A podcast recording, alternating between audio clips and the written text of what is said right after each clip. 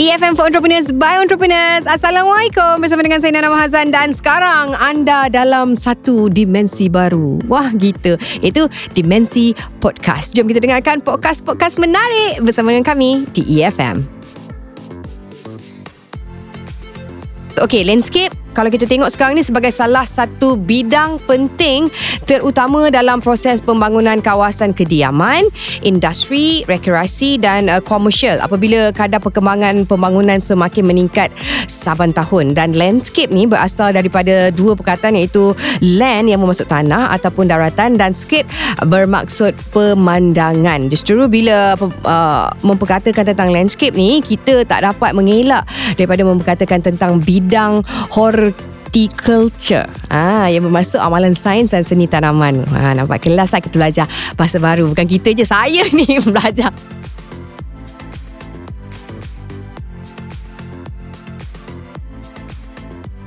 Saya nak ucapkan selamat datang kepada tetamu saya ah, Nur Zana binti Malik daripada Acu di Landscape. Betul? Betul. Acu. Acu siapa Acu? Saya. Ah, oh nama manja Acu. Bukan manja lah. Kira Aha, orang panggilan. kenal panggilan nama Acu. Ah, tapi nama betul Nur Zana. Nurzana Malik. Ah, hmm. so jadi saya nak uh, bahasakan apa ni? Nurzana ke? Acu. Acu. Okey, Acu mungkin boleh ceritakan seberingkas untuk Acu di landscape ni berapa lama dah kenapa memilih bidang perniagaan yang jarang-jarang orang fikir nak buat ni? Ah, ya. Memang saya pun tak sangka tahu saya terjebak dalam bidang landscape ni sebenarnya. Aha. Asal usulnya sebab minat ni mula-mula ikut suami yang bekerja dalam bidang ni. Okey. Ha, jadi bila dah mula ikut tu kita jadi berminat sebab kita nampak ia cantik. Ah, Kita ah. masa mula-mula terjebak tu kita tak fikir pasal keuntungan tau. Ah. Actually kita nampak dia cantik macam bila Sukalah. kita buat suka tenang, kita rasa tenang. Oh, best. so kita fikir why not kita try kan benda Mm-mm. yang membuatkan kita tenang dan mungkin akan mem- memberi pulangan yang baik untuk kita Mm-mm, kan. mm-mm. Okey. Jadi dari situ saya try buat research, Mm-hmm. belajar uh, berkaitan dengan landscape. Alhamdulillah hampir 2 tahun setengah. Wow. Ah, okey uh, dan jarang juga rasanya nampak wanita eh dalam Betul. bidang landscape sebenarnya. Ha-ha. Tapi memang saya tak nafikan cabaran dalam bidang landscape ni sangat-sangat mencabar. Mhm. Orang nampak macam oh dah siap, oh cantik cantik. Um, Mhm. kerja tu mudah tapi sebenarnya dia sangat rumit dan juga remeh. Ah. Yelah nak nak memastikan satu tempat kawasan yang telah pun diberi uh, kepercayaan untuk Ya, kita betul. mencantikkan dia Ah, dengan tumbuh-tumbuhan. Betul. Ah, selain daripada tumbuh-tumbuhan ada benda-benda lain yang terlibat Ada tak? juga Ah. kadang-kadang kita perlu tambah dengan sedikit yang kalau tumbuh-tumbuhan tu kita panggil soft uh, landscape Mhm. uh, dan kita kadang-kadang kena tambah sikit hardscape. Hardscape Ah, iaitu macam macam walkway uh, walkway Macam batu-batu. Yes, batu-batu. Okey. Lepas tu macam contoh kalau memerlukan kolam atau apa-apa uh, seat ke macam batu dia orang nak buat daripada batu, kita kena sediakan juga. Oh macam ada macam kolam air terjun. ya, kolam fountain. ikan. Yes. Ah, semua tu termasuk sekali dalam. Ya. Ah, wah, peningnya tu kan. Ya, ah, ya. Nak, nak kena kena tahu tempat juga besar Ah, mana kena yes. pergi ukur. So kalau macam ada apa-apa request daripada klien, first kali kita kena pergi tengok tem- tempat untuk buat ukuran lah. Mhm, Ah, dan bincangkan apa plan, plan yang kita boleh buat untuk tempat tu.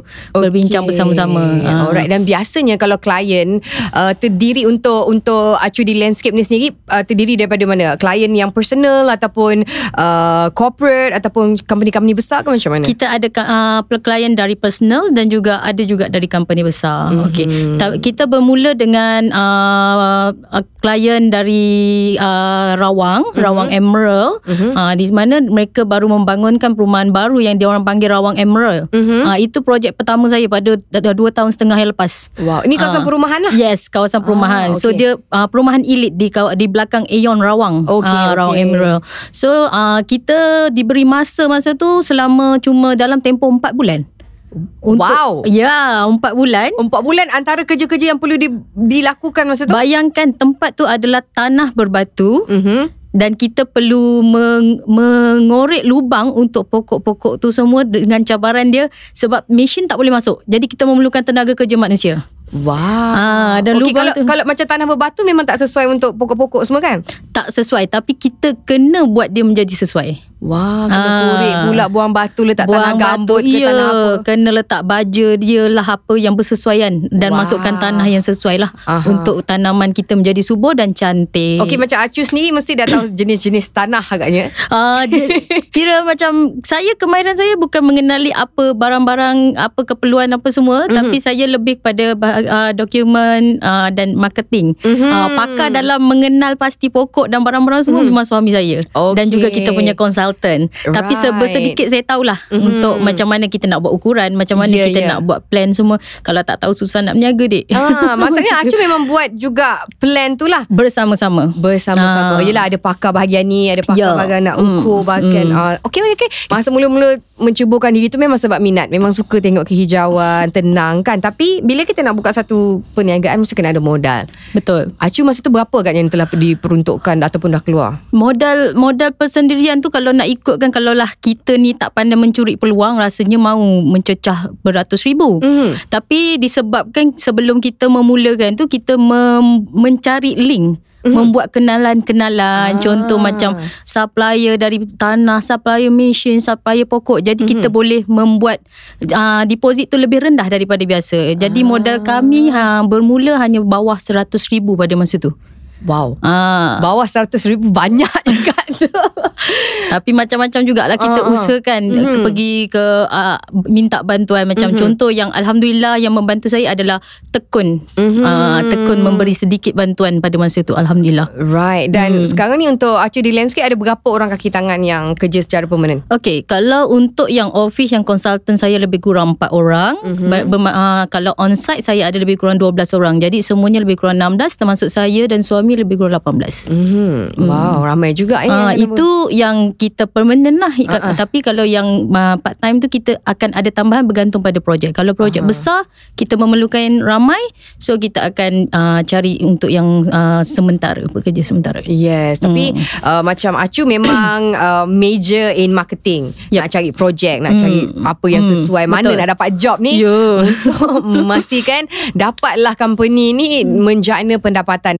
Mungkin boleh kongsikan strategi marketing yang dilakukan daripada day one sampai sekarang. Apa nak m- untuk mengen, untuk orang kenal Okey. Acu di landscape? Untuk landscape sebenarnya kita dah cuba offline dan juga online. Tapi Mhm. online nampaknya kurang ber- berjaya. Online Ah, tak berjaya? Tak berjaya sebab Wow.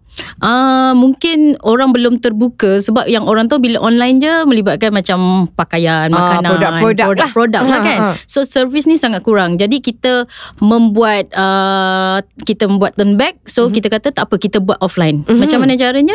First kali kita try dengan mouth to mouth. Hmm. That means kita memberikan servis yang sangat berkualiti Mhm. yang memuaskan hati pelanggan. So pelanggan-pelanggan kita akan recommend. Hmm. Ah, tu salah satu cara yang kita rasa agak uh, ber, uh, Berkesan lah. berkesan lah untuk uh, kita punya projek-projek yang seterusnya ni yang kita dapat semua dari recommendation. Okey, Ah. okey kita nak cerita pasal projek pertama yang Acu di landscape dapat di Rawang Hmm. untuk kawasan perumahan tu masa tu 4 bulan je. Ya. Kalau boleh cerita sikit mengenai projek tersebut uh, dalam masa 4 bulan uh, berapa banyak sebenarnya yang klien minta apa sebenarnya requirement untuk disiapkan dan berapa agaknya modal dan pulangan kalau boleh dikongsikan. Okey, dalam tempoh 4 bulan tu kita perlu menyiapkan dua pace, mm-hmm. dua fasa. That mean perum- ah, perumahan tu ada dua fasa. Okey. Tapi kita perlu menyiapkan untuk show unit dahulu iaitu mm-hmm. dua unit. Dia ada unit A dan unit B. Okey. Di mana unit A ni dia agak tinggi, kawasan perumahan tu agak tinggi manakala mm-hmm. unit B tu di kawasan bawah. Okey. Jadi kita kena bijak macam mana kita nak membuat uh, tanaman di samping tu kita memastikan rumah yang bahagian bawah tu sekiranya hujan lebat tidak ada air bertakung. Dekat Ah. situ pun tak pasal-pasal kita belajar perparitan juga. ah, kena dan- tahu, kena tahu. Ya, kita Ah. kena tahu. Tak kita tak boleh nak tanam je. Ah, Lepas tu bila banjir habis semua kan. Ah, Right, jadi right. kita kena bijak mengendalikan apa-apa keadaan uh, kawasan juga. So dalam tempoh 4 bulan tu modal yang dikeluarkan hampir 100 ribu. Wow. Alhamdulillah pulangan dia hampir uh, kepada 400 ribu. Wah, Ah, berbaloi. Berbaloi dua kali ganda. Ah, oh, lebih sikit. ah, cuma kita kena bijak macam mana kita nak kawal kos Mhm. dan macam mana kita nak membuatkan uh, masa tu lebih singkat dari masa yang diberi. Mhm. Uh, sebab bila masa yang diberi contoh 4 bulan kalau ikut kos kita nak kena bayar pekerja, kita nak kena bayar mesin semua Mhm, lagi mhm. banyak. Jadi kita kena uh, atur strategi macam mana kita nak memendekkan dari masa tu dari 4 bulan kita jadikan mungkin 3 bulan Mhm. atau 2 bulan setengah. Jadi kalau ada apa-apa hiccups ataupun yang kerosakan Yes. kita masih ada masa, Masa untuk untuk, touch up. Right. So that mean dekat sini yang memainkan peranan adalah strategi. Mm-hmm. Ya. Dan uh, kalau orang fikir alah tanam je nak rumput kapet it's Ada. not as easy. Betul. Kita kena kaji tanah tu. Ah. Dan kalau nak tanam rumput kapet tak macam kita tanam rumput lembu. Rumput lembu kita campak kita bijak. ah. Ah, tapi rumput kapet ni kita kena ratakan tanah dan kita kena tambah pasir. Pasir pula. Pasir pula. So Ayuh. Memang kena rata. If tak rata kalau rumput kapet ni kalau you let, tak letak tanah secukupnya dan Mhm. tak ratakan dengan pasir yang secukupnya, dia akan jadi belopak. Bila belopak dia dah tak cantik lah. Mm-mm. Ah, Ada so macam benda-benda macam tu kena kena orang memang nampak alah tanah rumput je apa je kan. Mm-mm. Tak Tapi just mahal Ah, rumput. rumput rumput kapet pun semeter dah berapa. Ha, belum campur dengan kerja-kerja tambahan yang kita buat tu. Right. Dia nampak mudah tapi sebenarnya sangat rumit dan remeh. Mm. Yang remeh tu yang leceh sebenarnya. Okey, katalah um, step by step. Kalau lah Hmm. kata saya klien, ini kata macam klien personal lah Ya. untuk hias rumah dia. Hmm. Dia baru dapat rumah baru kan. Ha. Step by step. Daripada step pertama, apa yang perlu klien tu lakukan? Pertama dia kena bagi tahu kita dengan jelas kawasan mana yang dia nak buat. Okey. Ha. Ah, lepas Selepas tu? dia dah bagi baru kita bagi cadangan pada dia pokok apa yang sesuai. Okey. Ha, dan Mengikut tempat tanah ya, dia lah. mengikut tanah. Mungkin pertama kali dia boleh bagi idea dia apa pokok Okey. yang dia nak. Okey. Tapi kita sebagai konsultan kita kena menasihatkan lah. lah. Mhm. Menasihatkan sama ada pokok tu sesuai atau tidak sesuai. Mhm. Ah, dan dalam masa yang sama tiba-tiba juga saya belajar feng shui. ah, saya kena kata Faham. kalau ikut feng shui Chinese, Aha. kalau pokok ni menghadap sini tak sesuai. Ah, jadi Ah. bila kita buat macam tu, customer, wah dia ni betul-betul study ni, betul-betul ah. nak bagi aku puas hati. So Right. dari situ kita membantu kita memasarkan diri kita yang kita membuat yang terbaik. So Mhm. uh, step by step dia pertama dia kena tunjuk tempat Mhm. dan kedua dia bagi tahu apa idea dia nak. Mhm. Dan Barulah bajet mungkin. Yes, bagi, bagi tahu bajet pada Aha. kita dan barulah kita boleh advise apa yang boleh, apa yang tak boleh. Right. Jadi bila kita cakap pasal feng shui ni not everybody not semua klien yang Ya, betul. percaya about feng shui kan Ya. of course Chinese akan faham dan mungkin certain certain Malay dia pun mungkin boleh terima pendapat tersebut dan sebagainya Hmm. kan dan kita akan bercerita lagi lepas ni because it's quite interesting Ya. because saya pun first time ni dapat bersama dengan orang yang buat landscape ni uh, dan sebenarnya ke, macam mana kita nak tahu nak letakkan sesuatu harga tu Memang kita harga kita fokus pada ukuran. Ukuran. tempat Okey, berapa dan besar? juga yes, Mhm. jenis pokok yang dia nak. Okay Jenis pokok ataupun apa-apa yang dia nak tambahan memang bergantung pada perkara-perkara tersebut lah. Mhm. Tapi first first yang kita akan buat adalah ukuran. Mhm. Sebab ia sangat penting. Mhm. Uh, contoh kalau tak ada ukuran kita tak akan tahu uh, contoh rumput tu berapa banyak perlu diletak, berapa uh, berapa batang pokok yang perlu kita letak dan apa jenis pokok yang sesuai untuk tempat sama ada kecil atau besar. Mhm. So yang memang kita perlu ambil tahu adalah ukuran dulu. ukuran berapa Hmm. besar Ya, tempat betul. tersebut dan Hmm. kalau um, macam kita beli barang kita ada katalog Hmm. kalau macam untuk landscape ni adakah klien kena pergi dekat nursery ke ataupun dia just cakap je nak apa ataupun you guys just suggest Kita ada katalog juga jenis-jenis Ah, pokok. silat-silat tengok pokok ni, pokok tu. apa. Ah, dan kita juga tunjuk contoh-contoh yang pernah kita buat lah projek-projek yang Ah, pernah okay. kita buat. alright Nah, so dekat situ uh, lebih mudah untuk uh, customer untuk buat pilihan. Hmm. Uh, dia, dia ada konsep-konsep tak landscape ni? ada, Antara ada yang- konsep-konsep yang ada modern, modern, okay. uh, ada yang nak rimba, wow. uh, ada yang nak simple, Mhm. uh, but cozy macam untuk selesa dipandang saja. Mhm. Uh. Ada yang ada yang paling pelik sekali pokok apa orang minta? Yang paling pelik kalau dia nak macam rumah hutan. Rumah hutan. ah, that mean dia nak nampak macam kehidupan dia tu dalam rimba. Oh. Ah, tapi eh, dia punya kos memang agak tinggi lah sebab memerlukan sangat banyak pokok-pokok yang Menjala. unik-unik. Mhm. Ah, pokok-pokok yang menjala yes, pagar dia semua kita letak pokok menjala. Ada Ah. orang nak macam tu eh? Ada. Kalau kita nak tebas macam eh tak dia mungkin dia rasa selesa, tempat Hmm, rasa sejuk. mungkin. Tapi macam saya buat landscape pun saya takut sebenarnya kalau kan ah, macam macam kita attract banyak-banyak binatang-binatang binatang ke? Ah, ya saya terus terbayang aduh. Ha, kan Tapi Ah. mungkin itulah tugas Ya. consultant Atau you pun Hmm. untuk Kata oh kita mungkin men- not too much mengikut uh, cita rasa pelanggan. Mhm. Itu yang penting. Kalau dia nak dah Lepas tu Hmm. kalau nak komplain Lepas tu jangan layan Ah, ya. Kau yang nak kan Tak apa kalau nak komplain lepas tu nak buat balik kita kita Charge pun uh, kita charge yang baru kita ada bisnes lagi kan. Why not? Ah. Why not uh, Tapi sedikit sebanyak Okay but pernah tak Pernah tak uh, Macam klien Request something Yang you rasa Mungkin you tak boleh deliver Atau mungkin tak sesuai You sebagai seorang usahawan Adakah you buat Ataupun you will advise Bagi ada so, uh, Ada option Ke macam mana Saya lebih suka advice. mm-hmm. Sebab apa? Kalau kita teruskan, Mhm. kita tahu benda tu tak akan menepati cita rasa dia Mhm. dan akan menimbulkan sesuatu ketidakpuasan hati kepada customer. Mhm. Why kita mesti teruskan? Why not kita cuba untuk advice? Mhm. Kalau kita dah try untuk advice dan dia kata, "No, ini tempat I. I nak macam ni, you kena buat macam ni." Ah. Okay, fine. We just deliver. Ah, Ah. okay. Tapi at least kita dah bagi tahu. Yes, betul. Ah, you did your Ah. part already. Yeah. Okay. Berapa banyak dah projek yang telah pun uh, Acu di Landscape buat? Okay, kalau nak hitung punya hitung, kita dah ada lebih daripada 18. Wow. Termasuk yang sekarang ni masih on site lagi. Mhm. Kita ada projek di Genting Highland. Wow. Macam mana nak bawa pokok naik jalan-jalan Yo, pusing-pusing tu? Saya pernah bawa lori hantar pokok kat atas. Jangan tak percaya. Awak bawa lori sendiri? Ya, bawa sendiri sebab driver demam.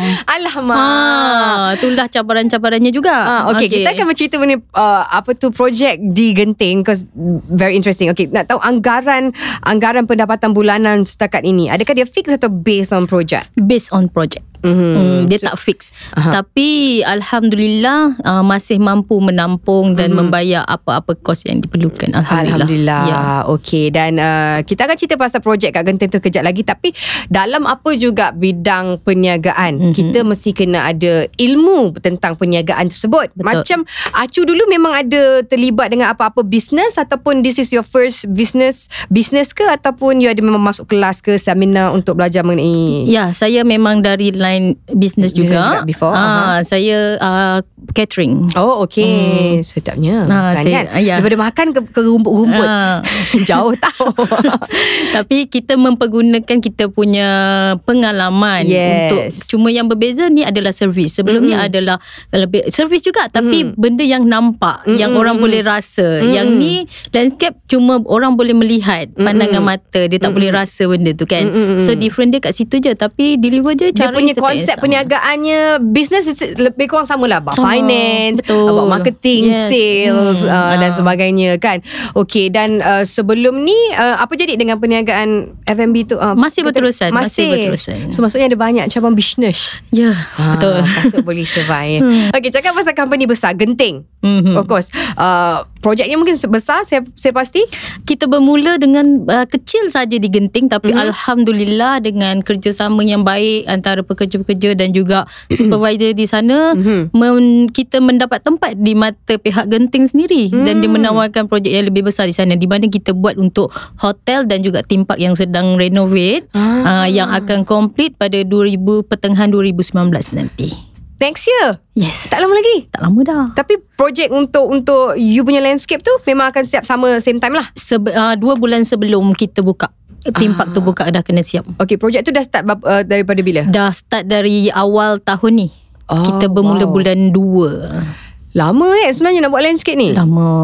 Lama. Okey, Sangat lama. okey apa yang diperlukan untuk actually landscape buat di Genting tu apa dia? Pokok-pokok. Pokok-pokok macam uh, tepi-tepi jalan tu kalau kita naik jalan genting tu sekeliling tu nampak macam hutan tapi Mhm. sebenarnya pokok-pokok tu uh, bukan yang hutan tebal tu lah Ah. yang tepi-tepi tu semua hasil tanaman kita dan kita Mhm. perlu maintenance tiap-tiap bulan supaya dia tidak nampak bersepah Mhm. tidak nampak berserabut so kita kena kemas bermula kerja-kerja kami bermula yang kecil-kecil lah Mhm. maintenance macam potong pokok-pokok lebihan Mhm. uh, dan selepas tu kita dapat tawaran untuk tanam pokok di sekeliling hotel Mhm. dan seterusnya kita membawa kepada bahagian timpak alhamdulillah Mhm. Mencantikkan timpak Ya. tu dengan tumbuhan-tumbuhan. tumbuhan-tumbuhan Ah. ah. yang bertingkat-tingkat timpak tu kita, saya saya pengalaman saya memanjat sampai ke atas tu ya Allah ya Tuhanku Weh. masa tu dah tak terbayang dah macam mana Kan? kan ah, tapi A- apa yang diorang nak sebenarnya kalau kat- kata, kalau katalah kat timpak tu jenis pokok yang macam mana apa yang diorang nak nak konsep macam mana dekat theme park tu? Dia uh,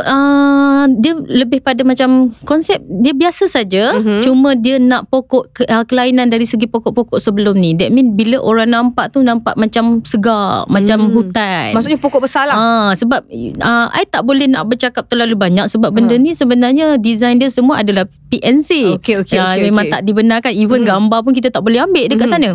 Tapi ia memang sangat menarik dan boom. You all kena pergi. Lain daripada yang lain. Memang lain dari sebelum ni. Sangat sangat unik. Wow, Ya. interesting. Jadi sabar saya nak pergi next Ah, year nak yes, tengok macam pergi. mana hasil pokok di sana. Selain daripada main roller coaster. Ya. dia roller coaster pun sangat menarik design dia. Eh. Ah. Wow. Betul. Okay. Nak tanya pasal persaingan lah. Banyak ke, kurang ke ataupun kita boleh mandi laut lagi? Ha, rezeki banyak lagi, tak ada persaingan. Tiga bulan pertama kita boleh apa orang kata berparti lagi. Berparti lagi. Ah, masuk 6 bulan kita menceburi kita dah mula oh my god. Ah. Ah, kaki kita dah macam tersangkut dalam lumpur dah. Hmm. Oh, macam mana ni nak angkat dalam lumpur bayangkan kaki tergelam dalam lumpur macam mana kita nak keluarkan kaki dari lumpur tu. Ah, Ah, macam tu dah oh berat uh, macam mana. Sebab persaingan? So, ya, persaingan dah semakin orang dah nampak dah sebenarnya landscape ni boleh membawakan hasil Hmm. yang agak lumayan sekiranya kita pandai mencari uh, Peluang projek-projek lah. dan Mhm. peluang-peluang yang ada. Mhm. Ah, jadi persaingan sekarang memang agak banyak juga. Mhm. Hmm, bukan saja di Kuala Lumpur, malahan di negara negeri-negeri lain juga dah mula orang nampak bahawa landscape ni adalah salah satu cabang bisnes yang boleh membuahkan hasil yang lumayan. Mm-hmm. Potensi sekarang ni orang baru sedar Hmm. uh, bahawa- bahawasanya landscape ni kita boleh buat duit lah. Hmm. Ah, lain kata lain. Tapi how uh, macam untuk you sendiri menghadapi persaingan ni macam mana nak menjadi lain daripada yang lain ataupun lebih terse- menyelah daripada pesaing-pesaing yang ada. Kita tetap membawakan konsep bahawa kepuasan adalah satu strategi yang kuat. Hmm. That mean kepuasan pelanggan. Bila ke- pelanggan itu berpuas hati dengan kita, for sure kita akan mendapat projek-projek seterusnya. Hmm. Actually, uh, terutamanya dari projek-projek yang besar lah macam Hmm. Genting ni Mm-mm. dan juga daripada projek-projek dari construction atau mana-mana perumahan. Mhm. Uh, tu yang kita kena jagalah kita punya uh, relationship with them lah. Ah. So kepuasan pelanggan kita letakkan nombor satu, insyaAllah rezeki berpihak pada kita. Maksudnya bukan saja memastikan projek yang diberikan berjaya, cantik macam mana diminta, tapi relation dengan klien Yes, tu sendiri. betul. Ah, After service pun ada juga. Yes. Ah, dia orang telefon kita angkat juga Yes, walaupun sale after service tu Ah. memang sangat penting sebenarnya. Kan Jadi itulah Memastikan uh, Acu di landscape Masih lagi Menjadi permintaan Ya, masih relevan dalam Ah, bidang masih landscape ni. relevan yes Hmm. dan kita akan bercerita mengenai masalah dan cabaran ha, Boleh. saya tak sabar nak tahu apa agaknya cabaran dalam dunia perniagaan landscape Okey. Dia cabaran yang paling besar bila macam kita sangkut modal. That mean bila, bila kita terima bayaran tu lambat. Lam- Hmm. Memang uh, kita ada kontrak tapi sometimes klien akan kata okey awak punya ni tak melepasi SOP kita punya SOP apa semua piawaian semua tak lepas so kita tak boleh release payment. Right. Dekat situ kita dah Allah. Ha Ah. sebab pokok kena bayar, Mm-mm. gaji staff kena bayar, Mm-mm. uh, tag dah kejar kan ah, macam tu. Ah tapi kita dekat situlah so kita terpaksa push juga untuk kita uh, touch up balik apa yang perlu. So cabaran kita banyak pada sekiranya kita tak menepati piawaian yang diminta. mm-hmm. Ah, tu. sebab masa Lepas tu duit tak release dan kita tak boleh nak move forward Yes, Ah, uh, faham. memang sangat Uh, memberi masa tu ada uh, tekanan jugalah memang. Mhm. sebab bukan satu dua lebih daripada lima projek juga kita mengalami masalah yang sama. Mhm. dia lebih pada miscommunication sebenarnya. Uh, kesilapan tu dari miscommunication Ya, Ah, itulah. okay. Sebab mungkin, tu- mungkin lepas tu dah dah tahulah cara untuk rectify Ah, yes. ataupun yeah. Tapi kadang benda-benda yang kecil pun kita tak boleh terlepas pandang sebab kadang benda yang kecil tu yang membuatkan ia menjadi besar. Mm. Sebab tu kita kena perlu teliti dan kita kena tak boleh ambil mudah Mm-mm. dalam semua perkara. Yes. So kalau tak kita akan berdepan dengan cabaran yang lebih besar lagi yang yang boleh membuatkan kita tak boleh nak teruskan kita dalam bidang ni. So kena berhati-hati dan sangat peka. Okey, selain daripada uh, cabaran ataupun payment kena hold dan sebagainya, antara cabaran lain adakah pekerja salah satu ya, cabaran? kadang-kadang pekerja bila uh, diorang bila macam kerja dalam bidang-bidang macam ni bila macam penat je tak datang masalah pada kita lah. Mhm. So kita ada target, kita ada timeline kita. Mm-mm. Uh, so kalau macam uh, pekerja tak cukup So kita kena turun padang sendirilah. Hmm, sebab tu Macam- yang bawa lori tu. Ya, saya saya kena saya pernah kena bawa lori eh naik genting dua kali. Wow. Sebab kita punya driver demam. Uh-uh. Tapi pokok tu kena sampai hari tu. Mm. Kalau tak sampai kita punya payment tak release. Mm. Ha jadi nak tak nak tak apa tawakal tu Allah Allah. Ha macam tu. Bawa jugalah. Bawa juga. Walaupun hati ni dudak dudak dudak dudak kan bawa Kan. kereta pun tak pernah tiba-tiba bawa lori dengan pokok lagi kat belakang dengan staff lagi kan. Allahu akbar masa tu. Kan Itu antara cabaran okay. Ah. Cabaran uh, Cabaran harian Ada tak cabaran harian Ataupun Tak ada sangat More on- dia on hari-hari tu tak ada lah tapi dalam seminggu tu mesti akan ada isu juga. Mhm. Ah, tapi benda tu ah, perkara-perkara kecil yang insya-Allah boleh diatasi lah. Tidak terlalu besar. dan kalau diberikan peluang lah kan uh, untuk dibantu uh, ataupun uh, mungkin memerlukan mentor ataupun nasihat apa agaknya jenis bantuan yang acu di landscape mahukan at this point of time Kita lebih memerlukan dari segi uh, perancangan kita punya masa depan macam mana perjalanan bisnes tu Ah, sendiri di, di masa akan datang sebab persaingan dah banyak mm-hmm. so kita kena buat something yang different daripada orang lain mm-hmm. so kita memerlukan